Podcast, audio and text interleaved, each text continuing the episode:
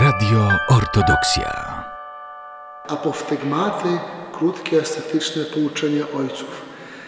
Słowo apoftegmat, można powiedzieć, jest to wypowiedź, po prostu wypowiedź. Grecki czasownik a, apoftegome, to jest wypowiadam się, mówię i w ten sposób, prawda, to, co je zostało powiedziano, to jest no, wypowiedź. Natomiast w takim języku teologicznym słowo apoftegmaty, apoftegma odnosi się bardzo konkretnie do pewnych warunków. To jest do wypowiedzi ojców pustyni. My znamy takie wyrażenia jak złote myśli, prawda, które e, no, wyrażali i ojcowie cerkwi, filozofowie. W Piśmie Świętym znajdziemy szereg różnych takich wyrażeń, które można powiedzieć, że to są złote myśli.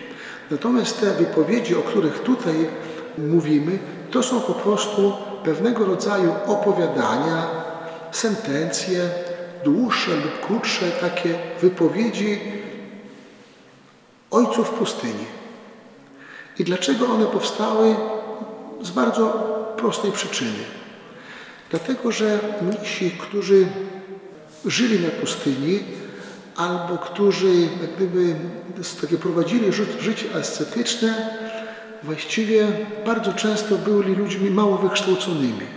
Bardzo często nie umieli pisać, czytać umieli na tyle, na ile to trzeba, byłoby, trzeba było modlić się, dlatego że modlitwy były spisane jak gdyby w takich rękopisach i tak oni czytali te modlitwy na tyle, na ile umieli. Bardzo dużo umieli na pamięć tych modlitw, Natomiast w swojej takiej ogromnej masie mnisi byli ludźmi mało piśmiennymi albo niepiśmiennymi. Dzisiaj my mamy mnichów bardzo wykształconych, prawda? Mamy y, z tytułami. My dzisiaj spośród mnichów wybieramy archirejów. Archirej musi mieć odpowiednie wykształcenie. Natomiast w starożytności ci, którzy szli na pustynię, to absolutnie nie po to, aby oddać się jakiejś karierze duchowej, a prosto, aby zbawić swoją duszę. I wręcz uciekali od posługi, bo nieraz im było proponowana posługa biskupia, uciekali od tego. Więc byli mnisi e, wykształceni, którzy e, umieli pisać, umieli czytać, a kiedy jak gdyby już tak mając wykształcenie, to i tworzyli pewnego rodzaju literaturę. Natomiast w większości byli to ludzie mało wykształceni, w niewielkim stopniu posługiwali się księgami, natomiast w dużej mierze posługiwali się pewnego rodzaju przekazem ustnym. A przekaz ustny w jaki sposób może dotrzeć do człowieka? Kiedy on w jakiś sposób jest prosty, zawiera pewną myśl, zawiera pewne pouczenie, pewnego rodzaju e, morał, który człowieka ukierunkowuje w jakiś sposób. I właśnie takie myśli takie apoftegmaty cechuje ten, ten rodzaj literatury, można powiedzieć, dlatego że te sentencje, te wypowiedzi, one krążyły w taki sposób ustny i pierwszym znanym nam takim zbiorem apoftegmatów, takich właśnie tych wypowiedzi ojców, jest mm, zbiór z VI wieku, czyli dosyć wczesny, ale Prawda? Mnich, który umiał pisać, który umiał słuchać, pozbierał różne wypowiedzi i stworzył taką księgę, właściwie alfabetyczną w języku polskim. Nazywa się to pierwsza Księga Starców i w jakiś sposób poukładał te myśli. Właściwie mm, bardzo trudno jest poukładać te myśli, dlatego że one są, dotyczą różnych zagadnień, e, różnych tematów i poukładał je alfabetycznie. To jest od ojców na A do ojców na Z. Poukładał to, co wiedział w takie spiski i w ten sposób, w takim zbiorze jest 78, 78 ascetów i łącznie 948 wypowiedzi. To trochę takie może nużące wyrażenie, natomiast to pokazuje, jak dużo różnych historii krążyło wśród mnichów, Cieszyły się one większym lub mniejszym powodzeniem, ale zawsze zapadały bardzo często w świadomość człowieka. I dlatego też ja też miałem pewien problem z wybraniem takich sentencji ojców, tych wypowiedzi, apoftegmatów, żeby jakoś, tak, taki systematycznie ukierunkować.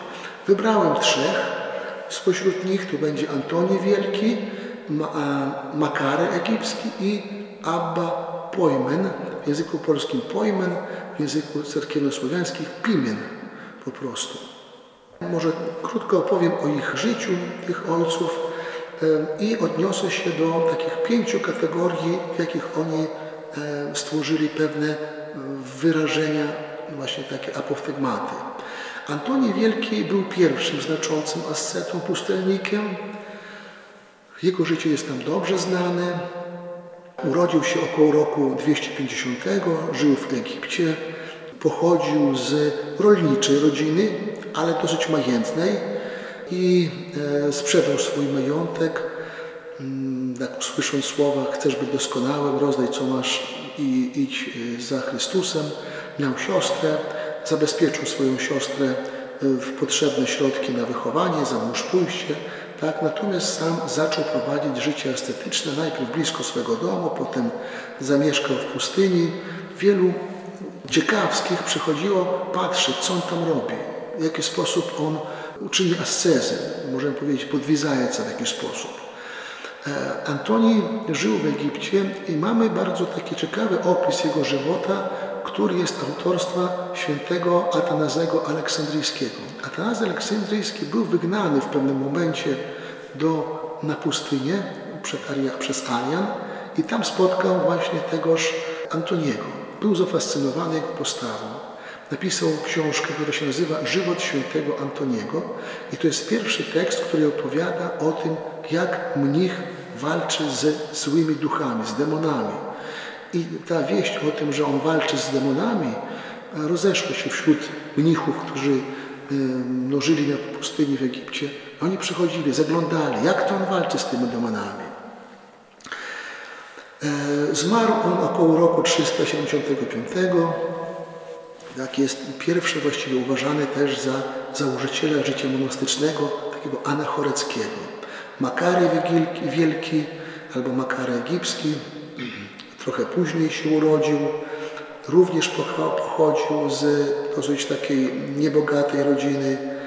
Pracował jako poganiacz wielbłądów, był żonaty, e, ale mniej więcej w tym okresie, kiedy zmarła jego żona, zmarli też i rodzice i to w jakiś sposób jego popchnęło, aby pójść właśnie na pustynię.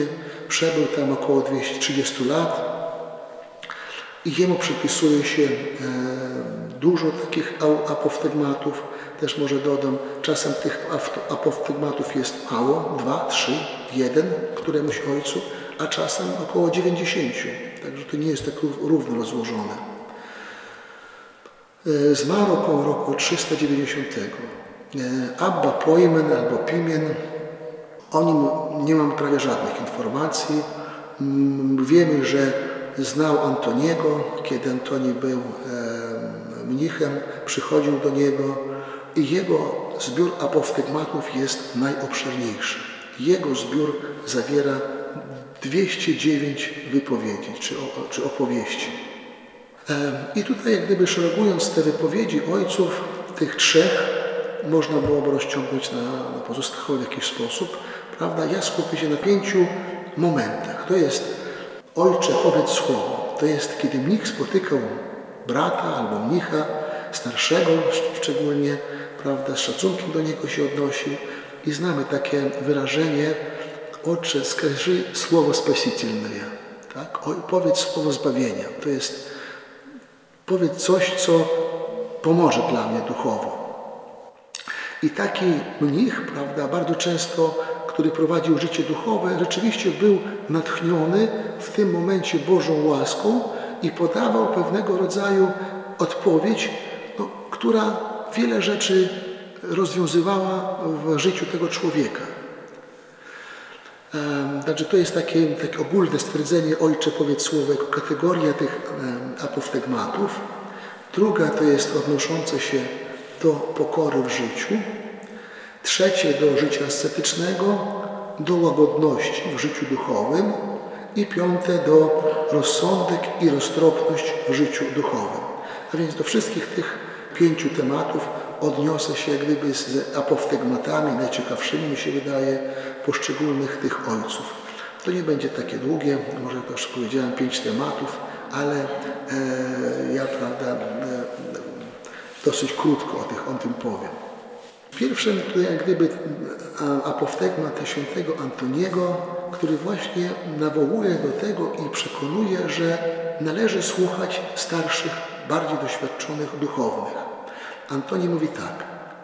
Znałem mnichów, którzy po wielu trudach upadali i doszli do pychy duchownej, a wszystko po to, przez to, że zaufali własnym osiągnięciom i zlekceważyli nakaz tego, który powiedział zapytaj Ojca, a On Ci oznajmi. Więc w tej chwili przeczytałem jeden apoftegmat.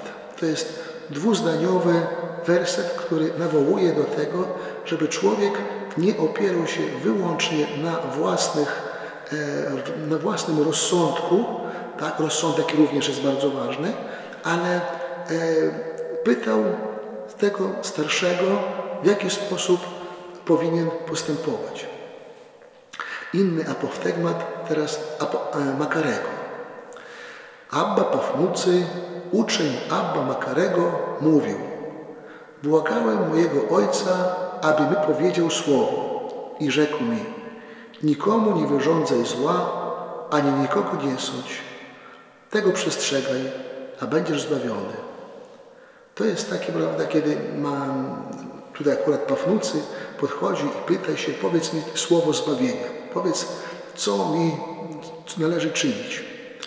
E, tak jak w Ewangelii Chrystusa pamiętacie, młody człowiek przychodzi do Chrystusa i mówi, co powinien czynić, by przestrzegać przykazań i tak dalej, od dawna przekazuje i tak dalej. To jest takie pytanie, jak gdyby przeciągnięcie dalszych tych wyrażeń ewangelicznych odnośnie pokory w życiu. Apoftegmat Antoniego. Powiedział Abba Antoni, zobaczyłem wszystkie sidła nieprzyjaciela rozpostarte na ziemi. Jęknąłem więc i powiedziałem, a któż im się wymknie? Usłyszałem głos mówiący do mnie, pokora. To jest jak gdyby nawoływanie do tego i e, opowieść nawiązująca do ważności pokory w życiu. Tutaj również jest taki bardzo ciekawy apoftegmat Abby Makarego, troszeczkę dłuższy.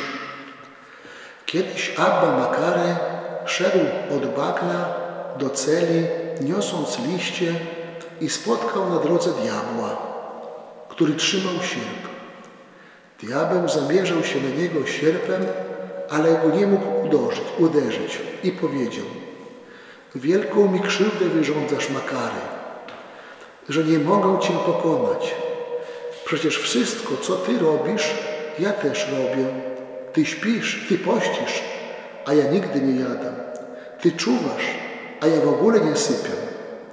Jest tylko jedna rzecz, którą mnie przewyższysz. Jaką? zapytał Abba Makary, a diabeł odrzekł. To Twoja pokora, to przez nią ja nie mogę Cię pokonać. A więc taka krótka opowieść, może to nie jest bajeczka, bo bajka to jest taka wymyślona rzecz, natomiast pewnego rodzaju wypowiedź, która opowiada pewną sytuację, jak szedł mnich, prawda, zbierał, zbierał jakieś liście czy gałęzie, dlatego że mnisi wyplatali kosze, potem je sprzedawali, z tego utrzymywali się, z tego żyli. Prawda? Taka opowieść bardzo no, fizyczna, można powiedzieć, odnosząca się do życia tych mnichów i tutaj ten dialog, prawda, e, który wskazuje, jak ważna jest pokora w życiu. Diabeł mówi, że ty mówi, że ty pościsz, a ja w ogóle nie jem, tak? Ty czuwasz, a ja w ogóle nie śpię. Ale czego brakuje? Właśnie tego, tej siły, siły pokory. Odnośnie życia estetycznego, apoftegmat Makarego. E, powiedział Abba Makary, jeśli karcąc kogoś wpadasz w złość, idziesz po prostu za własną namiętnością. Nie gub własnej duszy dla zbawienia cudzej. I tutaj e, gdyby, jestem, gdyby pouczanie starca albo pouczanie kogokolwiek odnośnie pewnych zdarzeń, tak? pouczać trzeba, można, natomiast nie jest, to nie może być namiętnością człowieka i ona nie wynika ze złości. Tak, jak to mówię, jeśli karcąc kogoś wpadasz w złość sam, tak, idziesz po prostu za własną namiętnością. To jest tutaj w tym wypadku grzech ściągasz na siebie. On nie jest przeciwko temu, żeby pouczać kogoś. Jak najbardziej mogę na pouczać, natomiast e, te pouczanie e, nie może być, powiedzmy, wynikać z naszego zdenerwowania, ze złości, bo tutaj my jak gdyby swoje namiętności rozwijamy. rozwijamy. Inny, te, inny wątek dotyczący życia ascetycznego. Niektórzy bracia pytali Abba Makarego, jak mam się modlić? Starzec im odpowiedział, nie potrzeba gadaniny, ale wyciągnijcie ręce i mówcie, Panie, zmiłuj się nade mną według Twojej woli i wiedzy.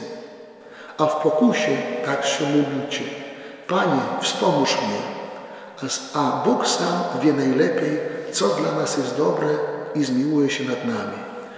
To jest, no, my bardzo często jesteśmy jak gdyby zachęcani do modlitwy, długiej modlitwy i wiemy też sami, prawda, że takie nie jest to łatwe e, czytanie. No, to jest człowiek rozprasza się, człowiek gubi myśli, uciekają myśli. Poza tym bardzo często mówią tak, przeczytaj kanon, przeczytaj akafis i to, i to, i to. I w końcu tyle nam zaproponują, że nam ręce opadają i nie chce nam się modlić.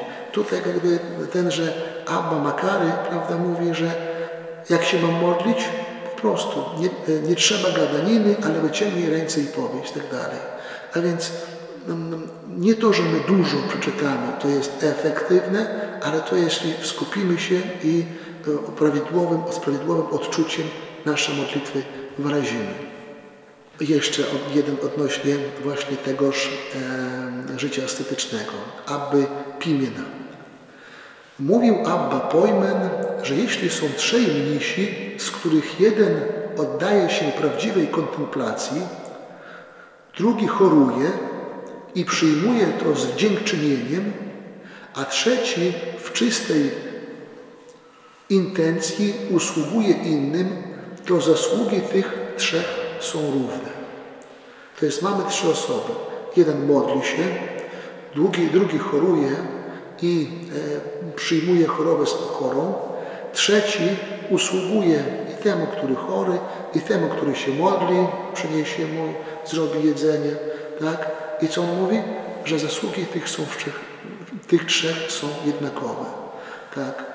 Jeden, e, jeden oddaje się prawdziwej kontemplacji, drugi choruje i przyjmuje to z dziękczynieniem, a trzeci w, trzeciej w czystej intencji usługuje innym.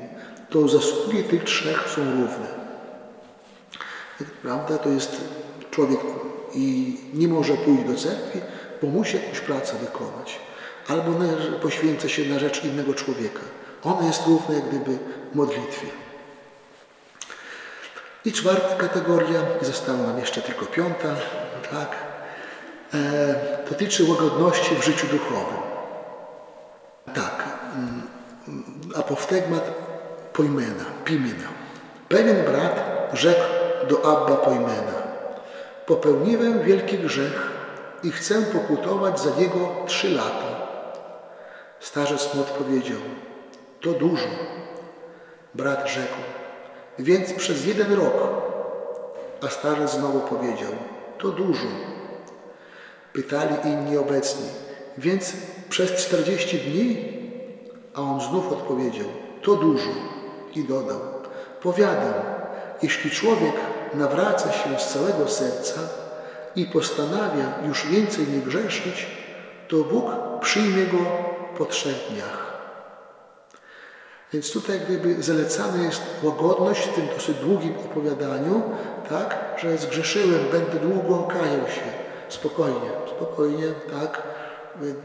Pokajaj się i niech to będzie Twoje Twoją przestrogą, abyś więcej nie popełnił takich niedobrych czynów.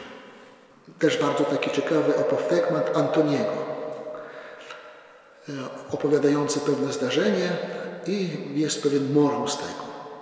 Pewien myśliwy, polujący na pustyni na dzikie zwierzęta, zobaczył, jak Abba Antoni żartuje z braćmi i bardzo się zgorszył. Starzec więc, pragnąc go przekonać, że z braćmi trzeba postępować łagodnie, powiedział mu: Załóż strzałę i napnij łuk. A on tak zrobił. Starzec rzekł, starzec rzekł: Napnij mocniej. I on słuchając, tak zrobił. Starzec powtórzył: Mocniej naciągaj tą strzałę. Myśliwy na to, jeśli na, napnę nadmiarę, to mi łuk pęknie. I rzekł mu starzec, tak jest z pracą wewnętrzną. Jeśli ją ponad miarę napniemy, bracia się szybko załamią. Trzeba więc z nimi postępować łagodnie. Myśliwy, gdy to usłyszał, skruszył się i odszedł bardzo zbudowany postawą starca, a bracia umocnieni rozeszli się do siebie. To jest, używa pewnego obrazu, to jest jak gdyby myśliwy, to wydarzenie miało miejsce, może nie miało miejsca, ale opowiada za pomocą pewnego obrazu, tak? myśliwy, który poluje, on wie jak działa łuk, napina i mocno, mocno i musi on wiedzieć, gdzie jest granica tego napięcia. I tutaj jak gdyby starzec mówi o tym, że tak samo z mnichami trzeba postępować, czy z każdym człowiekiem, dlatego że czytając te apoftegmaty, my nie odnosimy ich wyłącznie do, do mnichów. W tradycji naszej, w tradycji prawosławnej zawsze były wyrażenia, które odnoszą się do mnichów, w jakiś sposób też przekładają się na życie całej społeczności. I tutaj, prawda, za pomocą tego obrazu napnij łuk, mocniej, mocniej. On wie, że jeśli napnie mocniej, to on pęknie. A więc tak samo jest życiem wewnętrznym, e, mówi Antoni. Jeśli ja za mocno będę wymagał od braci, oni po prostu się załamią, odejdą albo jeszcze coś takiego. Zawsze potrzebna jest pewna granica, umiar i wiedza, wyczucie, gdzie jest, gdzie trzeba e, odpuścić. I ostatni punkt dotyczący rozsądku i roztropności w życiu duchowym apoftegmat Antoniego. Są ludzie, którzy wyniszczali, wyniszczyli ascezą swoje ciało, ale ponieważ zabrakło im roztropności, oddalili się od Boga. To jest mm, w naszym życiu okazuje się pewnego rodzaju rozsądek i roztropność bardzo ważna. I tutaj on mówi o ludziach, którzy oddali się bardzo srogiem postu wyniszczyli swoje ciało w, w postach, ale coś innego nie, nie, nie zafunkcjonowało. Coś innego. Może człowiek był bardzo dumny z tego, że dokonał postów i chełpił się tym, i w jakiś sposób inny się dokonał upadek tego człowieka. Dlatego, że mówi, że znałem ludzi, którzy bardzo mocno wyniszczyli ciało postem, ale gdzieś w innym miejscu odpuścili i wszystko się rozwaliło. Potrzebna jest roztropność w swoim życiu. Inny Abba Pojmen. Abba Pojmen mówił, że czujność, pilnowanie siebie i rozsądek, te trzy cnoty są przewodniczkami duszy. Czujność, pilnowanie siebie i rozsądek. To jest rozsądek w życiu naszym również pewien, pewien jest potrzebny, taki duchowy rozsądek. Ja może kiedyś Wam opowiadałem, y, jakiś czas jeszcze byłem osobą świecką. E, kiedyś byłem na Paschę na Antoniuku, e, jeszcze do cerkwi nie dotrzedłem. Patrzę, siedzi człowiek, który, który na murku, no, e, no, źle się czuje. Wezwaliśmy karetkę, karetka przyjechała, no i lekarz pyta się, tak, co pan jadł? Nic nie jadłem, tak, a co pan pił? Mleko piłem. Więc on postanowił, że od czwartku wieczoru chyba nie będzie nic jadł, ale pić będzie mleko. Lekarz mówi, że trzeba było chociaż wodę pić. Mleko, nie, nie mleka, a wodę. A więc e, ten człowiek chciał jak gdyby ascetycznie podejść do zdarzenia duchowego i nic nie jeść przez kilka dni. Swoje życie, swoje zdrowie naraził na szwank. No i zabrali go do szpitala, prawda, tam nie wiem, czy to się skończyło. W każdym razie gdzieś zabrakło rozsądku. Więc rozsądek w życiu również powinien towarzyszyć człowiekowi. Trzy cnoty. Pilnowanie siebie, czujność i rozsądek. I ostatni tekst. Um, Abba Pojmena. Powiedział także Abba Pojmen, że Abba Amonas mówił, że człowiek czasem cały dzień chodzi z siekierą, a nie potrafi ściąć drzewa. Inny zaś, taki, który się zna na drwalskiej robocie, po krótkiej chwili drzewo zetnie i mówił, że taką siekierą jest rozsądek. To jest umienie wykorzystywania pewnego swojego potencjału z tym, co daje nam Pan Bóg i co nam daje życie. I to było tyle, jeśli chodzi o e, apoftegmaty, żeby Was i nie zanudzać, i nie zamęczać. Ja wiem, że już jesteśmy po modlitwie, po bardzo często, po porannej i wieczornej. Dziękuję bardzo.